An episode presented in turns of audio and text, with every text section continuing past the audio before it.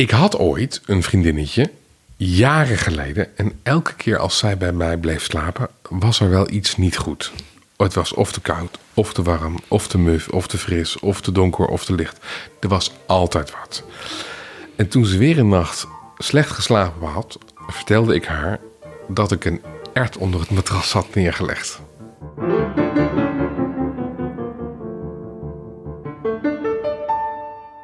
Mariska Ruijsen, dit is echt gebeurd. Niet gelogen. Hoe denk je dat ze reageerde? Ik denk dat ze furieus werd op het moment dat je dat vertelde. Dat ze, ja, het idee had misschien dat je er daadwerkelijk had willen plagen die nacht. Maar ze reageerde met: "Oh, Echt waar? Oh, dan is het dat wat ik heb gevoeld. dat, is, dat is hoe ze reageerde. Bijzonder, hè? Eh, over het hardop uitspreken van wat er in je leeft. Daarover gaat het volgende sprookje. En het sprookje heet heel toepasselijk: De prinses op de ert. Er leefde eens een prins in een groot land. Hij woonde met zijn vader, de koning, en zijn moeder, de koningin, in een groot paleis dat een eindje buiten de stad in een groot park stond. Het was een groot kasteel, maar het land waarvan zijn vader koning was, was ook groot, dus dat mocht ook wel. Er waren honderden dienaren om de prins te bedienen.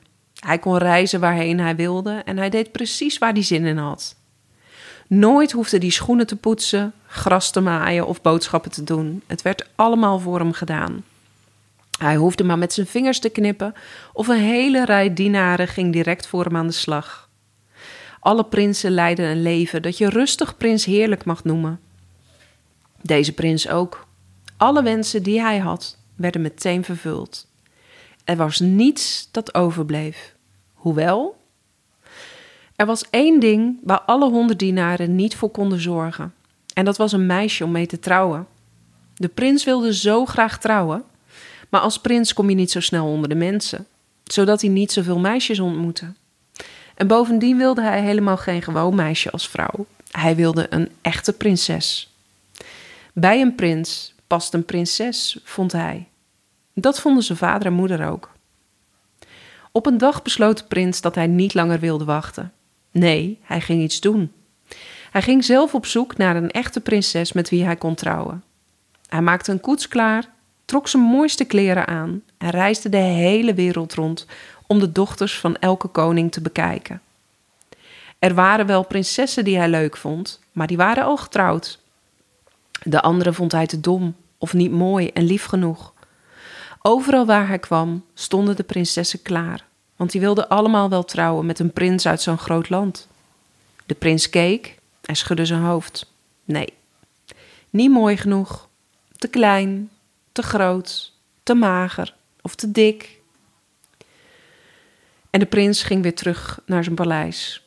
Op een avond zat de prins bij de open haard een boek te lezen, maar hij kon zijn aandacht er niet goed bij houden.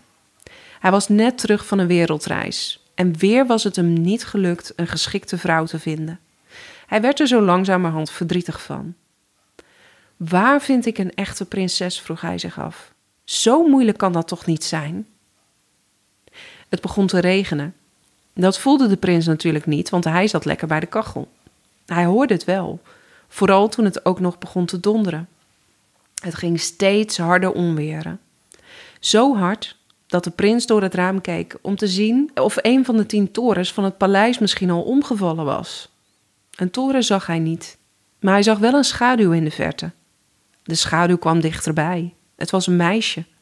Ze was klein en kwam maar moeilijk vooruit. Snel riep de prins zijn bediende om de deur voor het meisje open te doen, en hij liep naar de hal om te kijken of hij haar soms kende. Een nat meisje struikelde naar binnen toen de deur werd opengedaan. Toen ze binnen was, trok ze haar kletsnatte cape uit en schudde de regen uit haar krullen. Wie ben jij? vroeg de prins aan het meisje nadat ze elkaar hadden gegroet. Ik ben een prinses uit een ver land, zei het meisje. Ze vertelde dat ze nog nooit zulk slecht weer had meegemaakt en ze vroeg of ze hier misschien even bij de kachel zou mogen zitten. Ik heb het zo koud, zei ze. Ik was onderweg naar de stad waar ik bij de barones wilde logeren, maar toen brak het wiel van mijn koets. De koetsier ging hulp halen, maar hij bleef zo lang weg en ik kreeg het zo koud daar alleen in die koets. Toen besloot ik zelf ook maar op weg te gaan. Afschuwelijk. Ik was nog maar net op weg toen het zo begon te regenen en te onweren. Bah, een prinses hoort niet in dit noodweer buiten te lopen. Ze moest inderdaad niet langer in de regen blijven lopen, dacht de prins.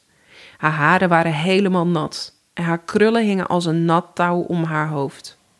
Water druppelde van haar kleren, zodat er een plasje kwam te liggen op de plaats waar ze stond, ook al had ze haar cape al uitgetrokken. Zelfs nu ze zo nat was, was het nog een mooi meisje, dacht de prins. Als ze nu eens een echte prinses zou zijn. Ben je een echte prinses? vroeg hij aan het meisje. Ja, een echte prinses, zei het meisje. En een natte ook.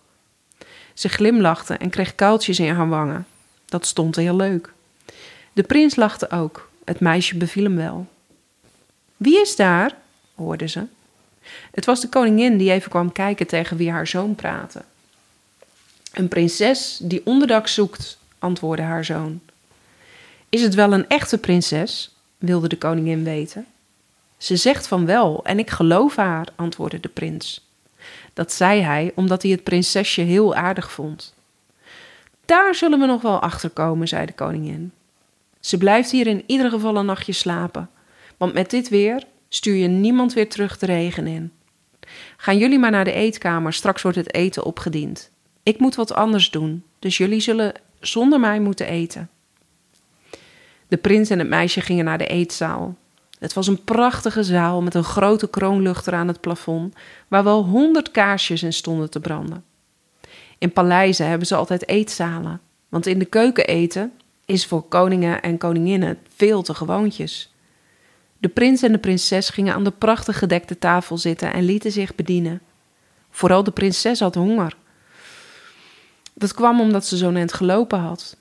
Ze liet het zich uitstekend smaken en praatte intussen met de prins, die zijn ogen bijna niet van haar kon afhouden. Zo mooi vond hij haar. Maar wat had de koningin dan voor andere dingen te doen? Ze ging naar een van de tien logeerkamers en haalde alle dekens, lakens en kussens van het bed. Dat zijn er een heleboel in een koninklijk bed. Bovenop het matras legde ze een rauwe ert die ze uit de keuken had gepakt. Het had haar wel wat moeite gekost om er een te vinden. Niet omdat er zo weinig waren, maar omdat ze gewoon nooit in de keuken kwam. Dat liet ze altijd over aan haar bediende. Ze riep een paar dienaren. Breng de matrassen uit alle logeerkamers hier, beval ze. Dat deden de dienaren en even later lagen er negen matrassen boven op de matras waar de ert op lag. De koningin had niet verteld waarom de dienaren de matrassen moesten brengen en de dienaren hadden het ook niet gevraagd, want dat doen dienaren nooit. Maar verbaasd waren ze wel, want wie wil er nou op tien matrassen slapen? Eentje is toch ook genoeg? Heb je lekker gegeten? Vroeg de prins aan het meisje toen ze uitgegeten waren. Heerlijk, zei het meisje. Zou ik nu misschien mogen slapen, want ik ben nogal moe na de lange reis van vandaag? Dat mocht. En de koningin bracht de prinses naar de logeerkamer, naar het bed waar alle matrassen boven op elkaar gestapeld lagen. Hoe kom ik in dat bed? vroeg het meisje. Staat een laddertje naast, antwoordde de koningin. De prinses beklom het laddertje en ging in het bed liggen. De koningin wenste haar goede nacht en verliet de kamer. Nu zou je denken dat de prinses onmiddellijk in slaap viel. Ze was immers zo moe, maar dat gebeurde helemaal niet. Nee, de prinses lag de hele nacht te draaien en te woelen. Ze kon beslist niet slapen. Als je goed luisterde, kon je zelfs af en toe horen hoe ze zuchtte en kreunde. De nacht ging voorbij en de morgen brak aan. De haan kraaide en iedereen stond op. Eén voor één kwam iedereen naar beneden en ging aan de ontbijttafel zitten. De prins had goed geslapen. Heerlijk slapen in je eigen bed, zei de prins. Hij was immers net teruggekomen van een lange reis. Eindelijk kwam ook het meisje de eetkamer binnen. Haar haar zat in de war en ze zag er moe uit. Ze had kringen onder haar ogen. Uitgeput liet ze zich op een stoel vallen. Hoe heb je geslapen? vroeg de koningin vriendelijk. Tja, begon de prinses, ik vind het niet leuk om het u te vertellen, maar omdat u het me vraagt, zal ik het maar zeggen. Ik heb vannacht geen oog dicht gedaan. Er lag iets hards ergens in mijn bed, een soort steen. Ik zit onder de bulten en de blauwe plekken. Het was werkelijk verschrikkelijk. De koning keek de koningin vrolijk aan. De koningin keek de prins vrolijk aan. En de prins keek de prinses vrolijk aan. Want het meisje, dat beweerde een echte prinses te zijn, was ook een echte prinses. Dat was nu bewezen.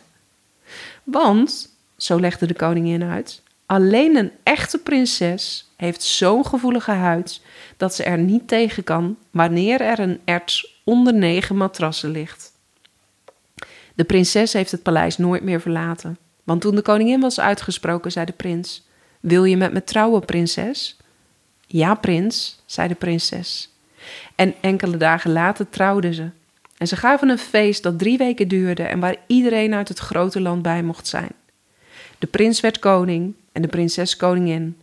Ze sliepen elke nacht in een groot hemelbed, zo zacht als zijde, zonder ert erin.